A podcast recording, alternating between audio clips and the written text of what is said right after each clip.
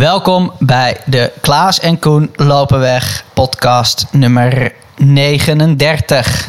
Ha Klaas, Hey Koen. hoe is het? Goed. Ja, het is mooi weer. Je hebt nog rode eh, wangen. Volgens mij heb je net hard gelopen. Ik heb net hard gelopen, ja. Vijf, eh, vijf, drie, twee. Dus vijf kilometer tempo. Kilometertje rustig. Drie kilometer tempo, kilometer rustig. Twee kilometer tempo. En dan eh, probeer ik eh, deze dagen een beetje marathonwattage aan te houden. Wattage is het thema de komende tijd. Ik ben benieuwd. Ja, Vandaag gaan we het hebben over de Midzomernachtcross.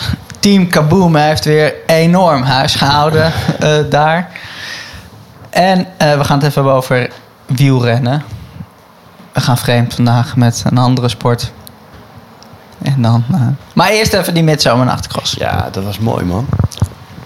Sowieso is het een hele leuke eh, loop. Op een vrijdagavond in het Amsterdamse bos. Best wel veel mensen ook. Dus echt, eh, ik was aangenaam verrast toen we daar aankwamen lopen, hoe druk het was. En, en ja, dat, dat ging hartstikke mooi. Ik had, ik had besloten, we hadden natuurlijk eerst al heel leuk op het clubhuis verzameld. Dat kan dan als een wedstrijdje in het Amsterdamse bos is. Dus jij, ik, Mark, Zuurhout, Job. De nieuwe aanwinst van Team Kaboom. Hij deed al mee met, zat al in de dipclub en in de meditatieclub. En nu is hij ook aangehaakt bij, eh, bij het eh, hardlopen en geweld. En eh, nou, dus Job, eh, Eline, jij en ik. Ja. En ehm jij was eigenlijk de enige die de 10 kilometer deed. Wij alle vier de 10 Engelse mijl. En ik had besloten dat ik dit keer niet veel te hard weg zou gaan, maar eh, bij Eline in de buurt zou blijven, want die loopt als een metronoom over het algemeen. Dus en dat was, bleek heel leuk te zijn, want ja, die raakte eigenlijk vanaf de eerste paar honderd meter eh, was zij in een eh, ja, strijd. Ja, strijd verwikkeld met, eh, met, de, met de andere snelle dame. En dus dat kon ik zo zien tot, nou, bij 10, 11 kilometer was bij mij de koek wel op eigenlijk. Kon niet meer mee, kon niet meer volgen. En, en ik kon die strijd tussen Eline en die vrouw heette Erika, Erika Belandi. Ik ben benieuwd of de mensen ons nog kunnen horen. Vast wel. Er is een boor op de achtergrond, maar ik denk eigenlijk dat met die microfoons Precies, wij praten Dat, in de eh, microfoons. het wel lukt. Maar Maar dat was mooi om te zien. Dus die ging een beetje kop over kop. En ik kon dat op een gegeven moment ook nog van een afstandje zien. En ik zag, eigenlijk zag ik waar de beslissing viel.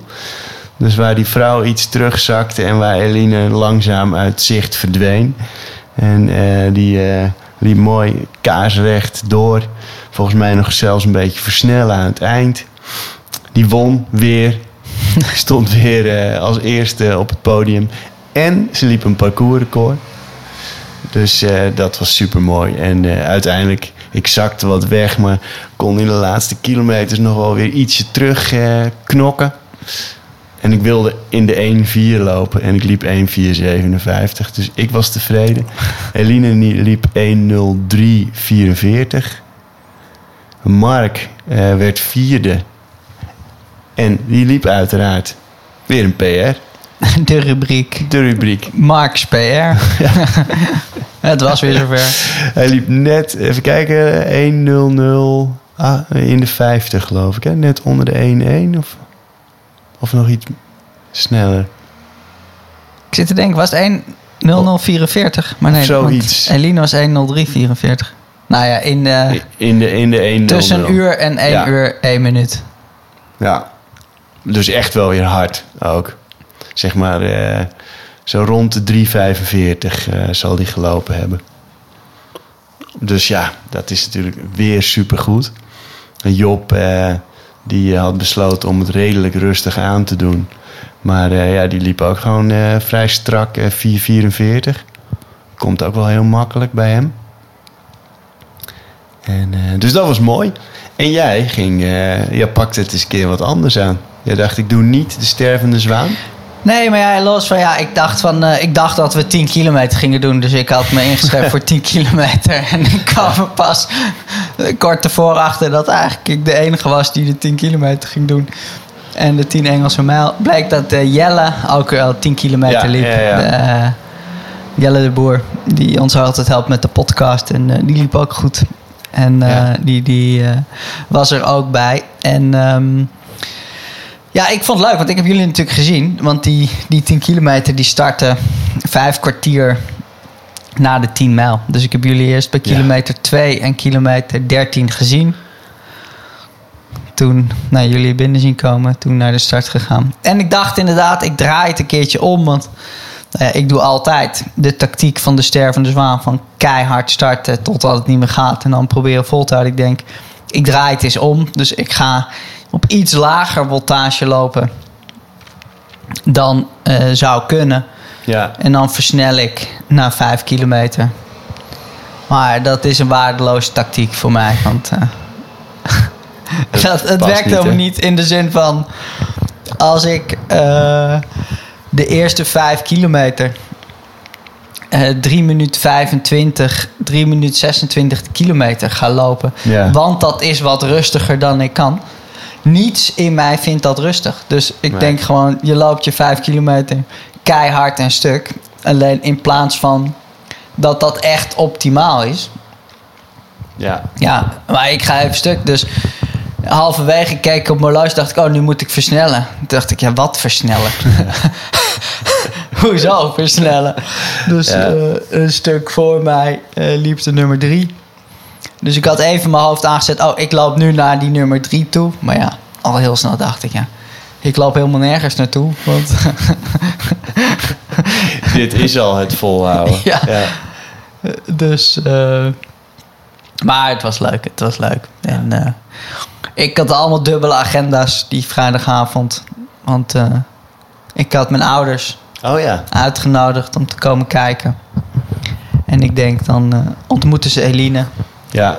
Ik denk dan eh, hoeven we niet eerst eh, een zo hele zondagmiddag te zitten en thee te drinken en te praten. Maar kunnen we gewoon iets doen en dan, Ja. oh ja, hoi. Dit is Eline. Hoi Eline, Ja, dit is een zijn mijn mooie ouders. En ik denk dan... eh, dus eh, beginnen met een eh parcoursrecord en op het podium staan. Ze mochten En, meteen voor de applaudisseren terwijl ze een beker in ontvangst nam. Leuke binnenkomen. Dus dat was zo leuk. En ja, en heel even, heel even, hey. Bas Stichter. Ja. 30. 45. Volgens mij 30, 45, ja, op het 10. Ja. Ja, dat is echt ongelooflijk. Want, ja, nou ja, er is natuurlijk een voorfietser. Maar ja, die zorgt gewoon dat hij voor je blijft. Die gaat niet tempo maken. Dus je loopt, je loopt in je eentje. Het is niet het makkelijkste parcours. Weet je, het is wel gewoon verhard en zo. Alleen het loopt op sommige punten echt wel bol. Weet je wel, het zijn toch, het, is, het zijn verharde bospaden, zeg maar. Met af en toe vrij rafelig eh, asfalt. Dus het, het is echt niet heel makkelijk lopen. En, eh, en je- hij had niemand. eh, ik geloof dat de nummer twee echt wel, nou misschien wel twee minuten erachter zat.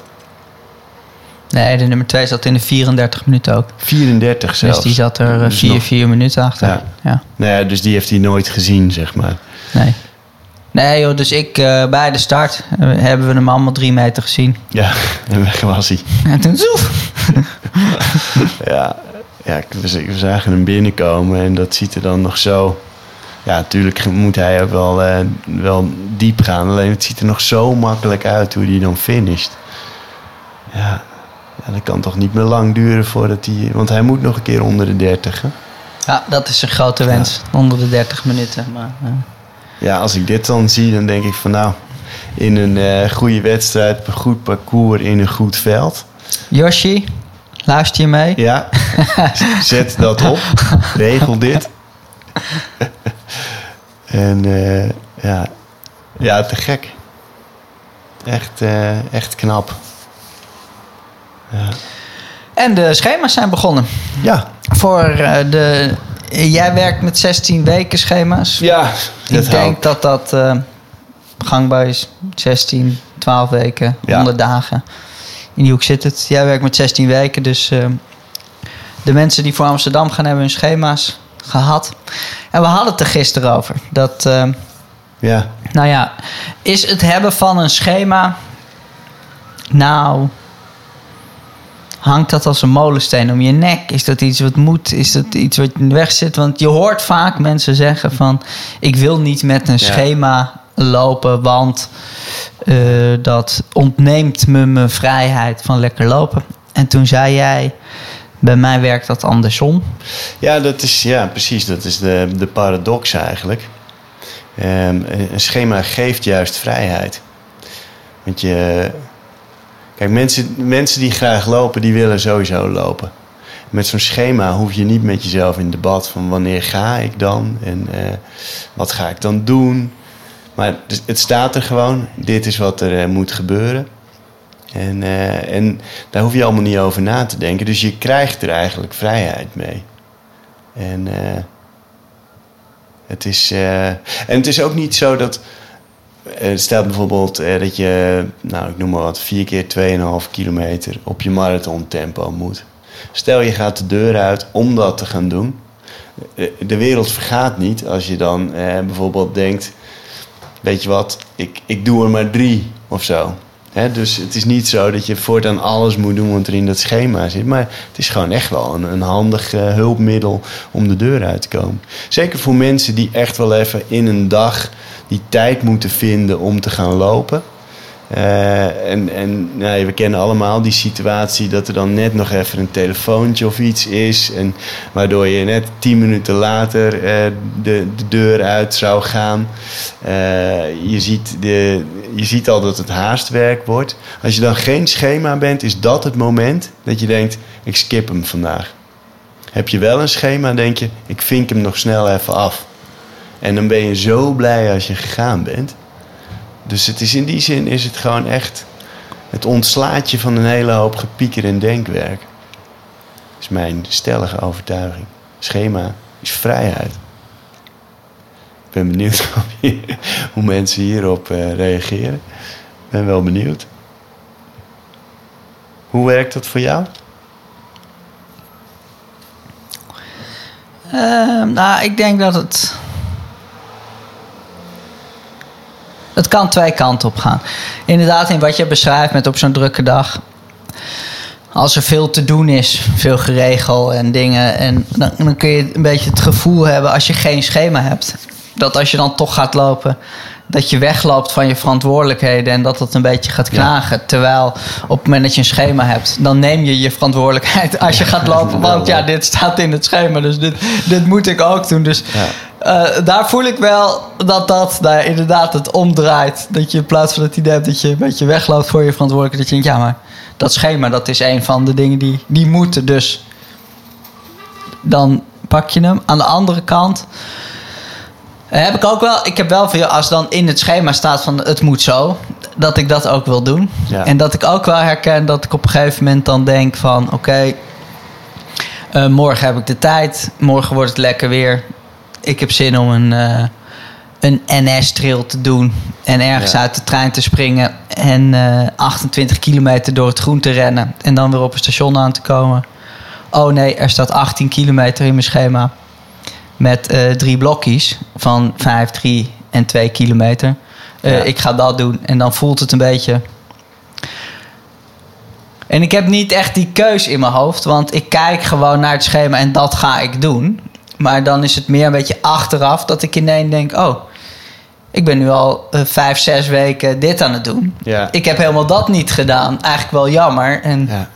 dat zou ik ook wel willen doen. En is dat niet eh, in te vlechten of ook te doen? Dus ik kan het wel, allebei de kanten op, Ja. eh, voel ik het wel een beetje. Maar ja, weet je, zeker in marathonschema's met, eh, waar ook rustige lange duurlopen in zitten. En dan kun je ook gewoon, je, je kan het ook een beetje zo plannen dat je dan wel dat lekkere rustige loopje hebt natuurlijk. Het- weet je wat, er is voor alles ruimte. En als jij gewoon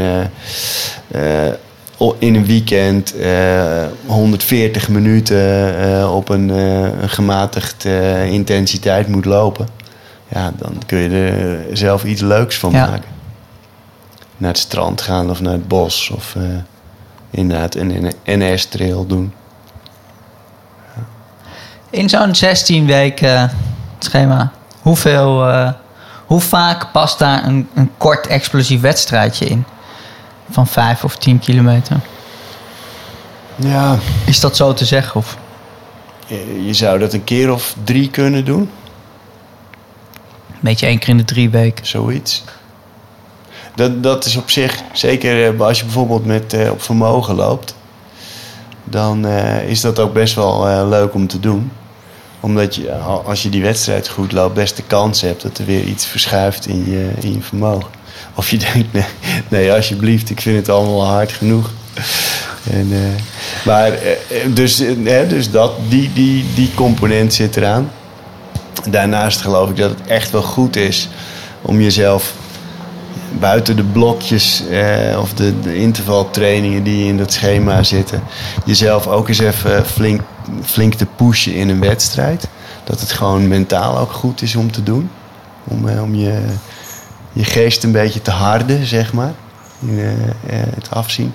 En het allerbelangrijkste is wel dat het gewoon super leuk is om wedstrijdjes te lopen. Ik, eh, ik moet zeggen, we, hebben nu de afgelopen maanden, zeg maar, naar Rotterdam. Eigenlijk best wel veel gedaan. Voor mijn doen is dit... het is lang geleden dat ik zoveel wedstrijden achter elkaar heb gedaan. En ik geniet er echt met volle teugen van. Het is echt, eh, echt ja, ik heb het vorige, vorige podcast volgens mij ook al gezegd, maar echt, echt leuk. Ja. Het gedoe vooraf en die startnummers en, en die, die excitement die, die eromheen hangt. Na pret. Ja. Op naar meer moois. Precies. Over moois gesproken. Jij, we zitten, ik zit hier naast een heel mooie opgetuigde fiets. Met fietstassen achterop. Jij gaat eh, richting het zuiden. Ja. Morgen eh rijd ik met de auto met een vriend naar eh weet je, de Vooralpen. Onaya. Daar parkeren we de auto, stappen we op de fiets. En dan eh, gaan we daar een rondje fietsen van eh 700 kilometer. Mooi rondje. Ja, ja, ik vind dat een van de eh, verrukkelijkste dingen. Dat je dus ochtends opstaat en dat het enige wat je doet die dag, Ja, het enige dat je doet, is eh 100 kilometer opschuiven.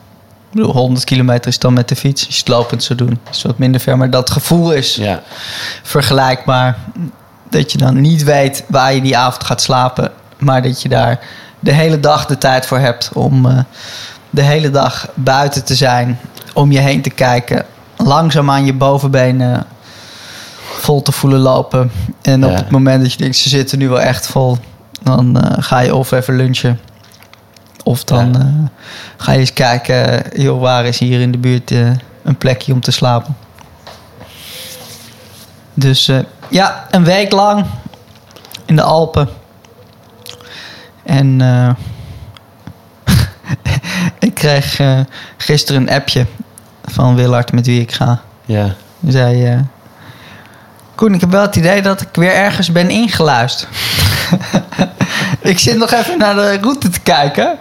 Want wat, wat had ik gedaan? We hadden de route van zo'n beetje van... Ja, we willen dan dat rondje. En ik had gezegd van... Joh, kijk, die eerste twee dagen... Dan rijden we daar door die gorge heen.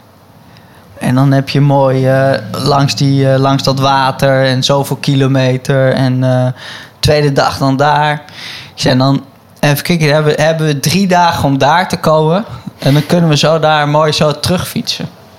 Dus Willert zegt, ja, dat is echt wel een mooi rondje. En ik had hem natuurlijk in Komoot al even aangeklikt. Ja, En ik had wel gezien dat het 12.000 hoogtemeters was. ja. Dus ik denk, nou, dat, gaat- dat gaat goed. maar ik weet wel dat het is ook wel een beetje gortig. Want er zit volgens mij één dag tussen met 4000 hoogtemeters. Oh. Dus dan ben je Oh. echt wel een dag eh, zoet. Ja, en je maakt mij echt niet blijer dan hitte, de zon, eh, rechts een mamot, eh, Ja. weinig verkeer en gewoon een, een weg die met een paar haarspelbochten teringend omhoog loopt. Ja, Ik weet niet waarom, maar ik vind het verrukkelijk. Dus eh Willard had gisteren ook even die hoogtemeters gezien. ja. Ben ik weer ergens in geluisterd? Toen zei ik, nou ja, we hebben een escape. Ik bedoel, het is natuurlijk omdat je dagen hebt. ja. Je kan natuurlijk nog een beetje afwijken en kiezen. En we hebben op een gegeven moment al zo'n escape... dat je of langs een drukke weg gaat rijden... tussen de vrachtwagens twee uur. Wat ellendig is, maar eh, Wel snel, mag. hè? Maar Ja. dan, eh, dan rij je om zo'n hele bergkam heen. Ja. En dan, nou ja... als het op een gegeven moment gewoon te gortig, te zwaar is... Ja, dan heb je daar... eh, twee uurtjes ellende tussen de vrachtwagens... en dan eh, steek je wat af en dan... Ja. dus je, er zijn wel, nou ja, het, het is natuurlijk nog vloeibaar. En je kan alle kanten op en uh, Komoot gaat mee. Dus we kunnen ter plekke ja. de Oh, boel lekker, nog eh, Heerlijk. aanpassen en doen. Maar ehm, ja, dat is eh, heerlijk. Het klinkt goed. Toch vind ik het, ik vind het echt verrukkelijk en ik zie er enorm naar uit om het te doen. Toch vind ik ook in die zin altijd een beetje jammer om daar heel enthousiast over te praten en mee te doen. Ja. Want eh, in het Amsterdamse bos gewoon 10 kilometer kaartrennen. Dat is ook echt verrukkelijk. En wat jammer is, vind ik, als het op een gegeven moment dan, nou ja. Oh, ik ga naar de Alpen, ik ga daar zoveel fietsen. Oh, ik ga naar Italië, ik ga daar dat doen. Oh, nou ja, ik ga naar de Dominicaanse Republiek. En oh, ik ga naar Noord-Zweden en dingen. Dat je een beetje Ja. zo van. Dat al die dingen in het buitenland met, nou ja, in de vakantie. Dat dat helemaal opgeklopt wordt als het mooiste. Terwijl juist, nou ja, gewoon wat je vanuit huis doet met je bekende clubje in de dagelijkse routine. Dat, dat is ook al zo mooi en leuk. Absoluut. Ik denk, ja, het is, het is natuurlijk leuk om het gewoon erover te hebben en het allemaal te doen. Maar het is wel goed om, nou ja, juist ja, in die eenvoud en die gewone dingen, Ja. daar de, de lol wel, dat te benadrukken hoe, hoe mooi en, en leuk dat is. Nee, maar dat is ook echt. eh, Want als je hele mooie dingen wil zien, weet je wel, dan kun je ook de komende maanden weer eh, op de Veluwe en eh, op de Sallandse Heuvelrug en eh, in Limburg. En ja, er zijn overal echt geweldige trailwedstrijden ook te lopen. Waar je, ik zelf altijd, als ik ergens op een hele andere plek ben, in Twente of zo, en daar dan een rondje ga lopen, dat ik altijd altijd denk: jemig, dit is hier allemaal. Zo dichtbij. Ja. Ja. Maar goed, dat heb ik zelfs als ik vanochtend door de bretten loop. Met eh 4 minuten 8 per, eh, minuten per kilometer. Toch een feest. Lang leven de zomer, man. En het lopen. Maar fietsen. Want ik, ik, de- deze periode staat voor mij ook altijd wel wat fietsen betreft echt in het teken van de Tour.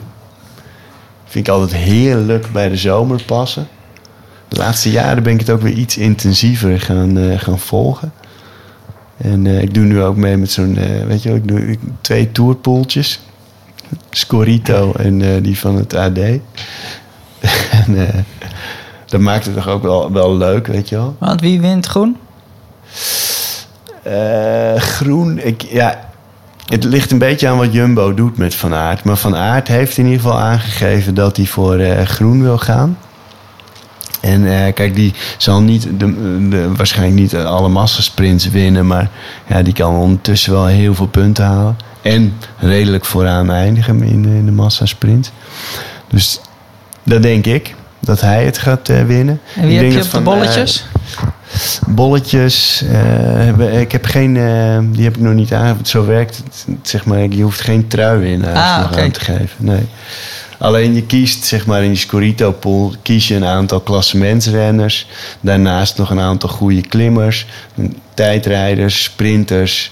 Ah, eh, je en stelt gewoon een ploeg samen. Ja, en die gaan punten verzamelen Ja. op... eh, Scorito, je, je hebt een team van 20 renners en je moet voor elke dag moet je er 9 opstellen en een kopman. Waarvan een kopman. en die kopman krijgt dan dubbele punten. En Dus, ja, eh, als je met je kopman wint, zeg maar, ja. dan, eh, dan eh, dus je moet vooruit plannen, kijken wat voor etappe het is. Wie stel je op? In een sprintetappe kun je, nou, stel je vier sprinters op en, eh, en, en een goede lead-out. Als je die ook in je team hebt zitten, dan kun je dan ook nog punten mee, et cetera. Ik vind het hartstikke leuk. En elke in deze, nou, vanaf dit weekend, dan elke, elke dag aan het eind van de middag. Ga, meestal heb ik geen tijd om hele etappes te kijken. Maar de finale, zo eh, rond een uur of vijf, eh, die pik ik graag even mee. Ja. Ben jij wel eens wezen kijken? Nee, Nooit wezen kijken. nee, ik ben nooit. eh, ongetwijfeld wel in Frankrijk geweest terwijl de tour bezig was. Met, op vakantie met mijn ouders. Maar mijn vader die, die had er of niet zoveel mee of had gewoon geen zin om naar het circus te gaan kijken. Dus ik, eh, ik heb het gewoon nooit live gezien. De tour. Jij dus wel. Ja, wel een paar keer. En eh, drie keer mijn grote held zien winnen. Marco Pantani. Ja, 95 en 97 op uh, Alpe d'Huez. ja, 98 op uh, Les Deux Alpes. En ik was fan van Pantani. En ik had, een, uh, ik had toen een frame. Daar heb ik uh, jarenlang ochtendkrant voor gelopen. En al mijn spaargeld op zijn gezet. En toen uh, op mijn vijftiende kocht ik een racefiets. ja. En toen had ik bij Presto had ik een fiets gehaald. En daar stond geen Presto op, maar Pantani. Dus Oh, het frame naam was Pantani. Ja, ja, ja. Want dat wou ik per se. Dat die zo Pantani heette. Dus dat was een Pantani. Ja. En nou ja, Pantani won. En uh, daarboven juichen. En de volgende ochtend was de start weer in uh, Bourg-Toisan. En toen... Uh, ik, net 15 jaar, ik met mijn fiets naar kijken. Een moment zie ik zo die, die ploeg van Pantani. Ja. Dus ik ga daar met mijn fiets zo naar, naar kijken. En uh, zo'n zo ploegmaat van Pantani tikt Pantani zo aan. En die wijst naar mijn fiets. Dus Pantani zo. daar helemaal lachen. Oh, mijn fiets. En uh, die stond daar zo te lachen Ja, ja. en uh, te doen. En uh, drie jaar later, op uh, Alpes. Ja, dat was echt een mooie dag. Toen stond ik op een camping met mijn neef. En toen was 's ochtends was er een, een, een wedstrijdje Alpe d'Huez op. Een soort, nou ja, een, uh, niet een heel hoog aangeschreven wedstrijd. Het was gewoon beneden starten, boven finishen. Ja. En office de toerisme zette een podium neer en deelde bekers uit. Ja, ja. En uh, dat was het. En ja, wij startten. En ik, ik had toen dat wedstrijdje gewonnen. Dus... Uh, 21 bochten omhoog rammen. 21 bochten omhoog rammen. Toen 36 minuten of zo. Zo. Ik had dat wedstrijdje toen gewonnen. En toen afdalen en het hoogste van de regen. Ja. Snel uh, jackie aangedaan en uh, lange broek. En toen zijn we uh, naar Les Alpes gaan fietsen. En Ja. niet ver. Dus wij omhoog fietsen. Dat was wel mooi, want ja, die berg die stond natuurlijk helemaal vol al met toeschouwers. En wij fietsten daar omhoog. Nou, Ja. ja. Ik denk anderhalf uur voordat die renners kwamen of zo. En toen wij staan boven en... eh, nou ja, dan stond daar boven stond zo'n groot scherm. En konden we de etappen zien van wat er gebeurde. Ja. En het ligt vrij dicht bij Italië. Dat deel van de Alpen. Les op. Dus die berg stond helemaal vol. Helemaal vol met Italianen. Ja. En uh, op een gegeven moment, die berg ontploft. Iedereen schreeuwen naar dat scherm kijken en dingen. Toen reed Pantani weg bij Urich. Oh ja. Ja. Nou, en een half uur later ontplofte die berg helemaal. Echt, ik ben nog nooit zo vaak gezoend door uh, wildvreemde kerels. Want uh, Ja. die Italianen, arm omhoog, Pantani! En iedereen pakte ieder hoofdbeet dat ze zag. Ja, ja, En ja. gaven ze kus op dat voorhoofd. Want wat gebeurde er? Zag je zo inderdaad onder in beeld komen. Virtueel, in het geel. Oh, dus die. Oerig, die ging toen helemaal stuk. Ging helemaal op een hoop. En Pantani, die reed daar toen virtueel in het geel. Nou toen, toen Pantani daar langs kwam, die berg ontplofte helemaal. En eh, Hij, hij wo- won hij hem in 97 of 98, de won toen de Tour, ja. Ja. Ja. Jeetje, Pantani. Ja, wat een droevig verhaal ook. Zonde. Ja, aan de andere kant. Ja, ik ben hem toen jaren later, toen ik zelf fi- fanatiek fietste in 2002, ben ik hem in eh, januari nog tegengekomen. In eh Gavia, Ja. Spanje hadden we trainingskamp. Toen waren wij één avond, was ik met nog iemand eh tussenuit geglipt. Gingen we zuipen. Ja. Gingen we daar naar café en dingen. En eh, zat Pantani daar in een bar met een hele lange leren jas tot zijn enkels. Compleet doorgesnoven. Ja. Ook met, met de ploeg op pad. Ja. Echt zo'n hele entourage om hem heen. Toen zag je al wel van ja, hij is zo e- eenzaam. Hij staat daar, nou ja, Ja. natuurlijk een heel klein keeltje met die hele lange leren zwarte jas. En iedereen om hem heen alleen maar oh, wat eh, ja, de weg voor hem vrijmaakt. En toen las ik later in zijn biografie dat in dat jaar dat gewoon die ploeg om hem heen was gebouwd nog. Ja. Om nog te stunten en eh, kan nog wat. Mercatone Uno. Ja. Die, eh, die ploeg was toen nog een jaar doorgegaan omdat Pantani dat ging. En Die drukke shirts. dat, ze, ja, dat het maar niet lukte om hem zijn wedstrijdlicentie aan te laten vragen. Want een wedstrijdlicentie aanvragen gaat gepaard met een dopingcontrole. Oh ja. ja. En ze kreeg niet voor elkaar om hem drie weken van de kook af te houden. Nee.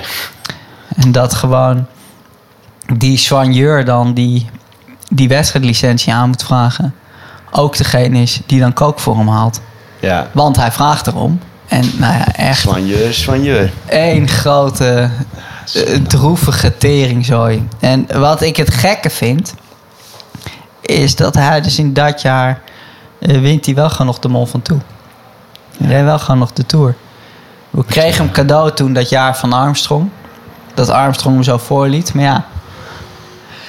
Je moet er wel zijn moet er wel gewoon. fietsen. Na Ja. twee weken Tour de France en dingen. En denk je, als je aan de ene kant zo destructief en mateloos al die dingen doet. En aan de andere kant toch gewoon. Nou ja, Dat nog kan. en die trainingen en het kan en het op kan brengen en het wil. En maar, ja, het hing aan elkaar van eh, Ja.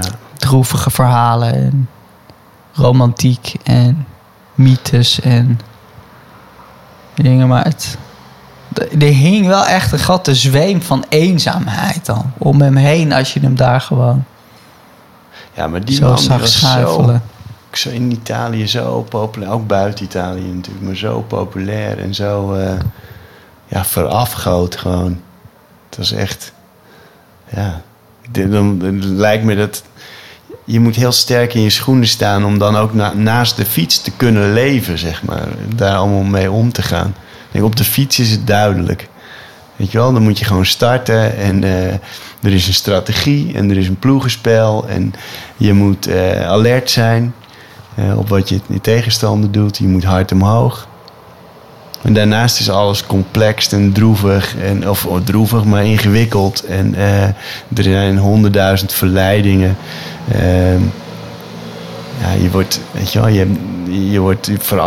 Dus dat is eh, in, in zichzelf al een, een eenzame eh, omstandigheid. Ja. ja. Maar goed. Het, Als. 20-jarige kon ik me er graag in onderdompelen. Ja, precies. in al die verhalen en die anekdotes en dingen. En, eh, dat hele doping altijd en zo. Het zat mij ook nooit dwars. Je hoort eens de mensen, ja, maar waar kijk ik dan naar? En dat is toch vals spelen of zo. Ja. Dat had ik helemaal niet. Sinds, ja, ik bedoel, iedereen doet dat. En het is... Ja, is het topsport of is het theater of zijn het verhalen... of is het een cocktail van het allemaal? Ik vond het... Ik het verloor voor mij helemaal niet zijn charme. Als er dan een keer iemand uit de uitslag werd geschrapt... want die had doping gebruikt. Ik denk, ja goed. Die is gepakt. Die is gepakt. Ja, ja, achteraf is het natuurlijk ook zo. Ik bedoel, de, de, de- het, het Ja. was, er werd altijd gezegd het is vals spelen, maar in principe was het een level playing field. Iedereen eh, gebruikte doping. En ja, ik ben er zeker geen voorstander van, maar het is niet zo dat je de beste wordt door doping te gebruiken. Dat, zo Nee. simpel is het gewoon niet. Het, eh, maar ja, dat. eh, Ik bedenk nu, ik heb ook nog een keer op eh, de Galibier gestaan. ja. Stonden we daar echt in, in de pleuriskou. Natte sneeuw. En toen eh, stonden we daar te kijken. En toen kwamen ze in auto's langs. Want toen was die etappe ingekort vanwege Oh, ja. het slechte weer. Ja. Sta je daar op de Galibier gewoon naar een, een, eh, autocaravaan te Kijken. kijken met die renners erin. Eh. zwaaien. Gooi ze nog een bidonnetje uit het raam. Nee, die, zaten, die hielden die ramen stijf dicht. Ja, dit weekend gaat het los. Jij morgen los. Vrijdag is eh, de, hoe heet het? De Bijlmer Run. Ah, dat is nu al natuurlijk. Ja. Ga jij daar nog wat doen? ja, ik wilde eigenlijk toch lopen. ja. Dus ik heb gisteren, eh, gisteren nog geprobeerd om, een, eh, om eh, via de startnummerhulp een startnummer te krijgen. Gelukt of? Nee, nog niet. Echt niet? Nee, nee het zit ramvol. Leuk. Ja, dus dat nou ja, is mooi. voor jou niet. maar- Nee, maar voor het ding is het echt, Ja. echt mooi. En het is, eh, het- nou ja, het is, het is natuurlijk sowieso mooi. Het is op het Anton de Komplein. Ze hebben ook een, eh, daar is de start, een medaille met eh, Anton de Kom. En, eh, en 1 juli is eh Ketty Kotti. Dus de viering van Ja. de afschaffing van de slavernij. Dus voor, voor de Surinamers in Nederland een superbelangrijke dag. Dus dat, dat is ook allemaal mooi. En dat het allemaal zo samenvalt. En, ja. Dus ik hoop dat het mooi weer wordt en een groot succes. En ik ga proberen om er op de een of andere manier eh, toch tussen te komen. Ik wil me eigenlijk toch wel lopen. Leuk. Ja, Nou, ik zie het wel op Strava dan. dat en sowieso. dan, eh, En ik zie jouw eh, avonturen wel op Strava voorbij komen. Of zet je hem niet aan? zeker wel. Mooi zo. Nee, dat is altijd wel leuk. Om dan, Voor de meepret. als je terugkomt en je zit op een terras. En je legt je benen zo even op een stoeltje. Naast het stoeltje, op stoeltje ernaast. Om dan even hem op Strava op Ja. te laden. En de dag nog even na te genieten met een oranje lijntje. Is Ja. toch leuk? Ja, absoluut. Mooi. Tot de volgende. vakantie. Dat gaat lukken. En eh, wij zien elkaar over twee weken gewoon weer voor de podcast nummer 40. Tot de volgende.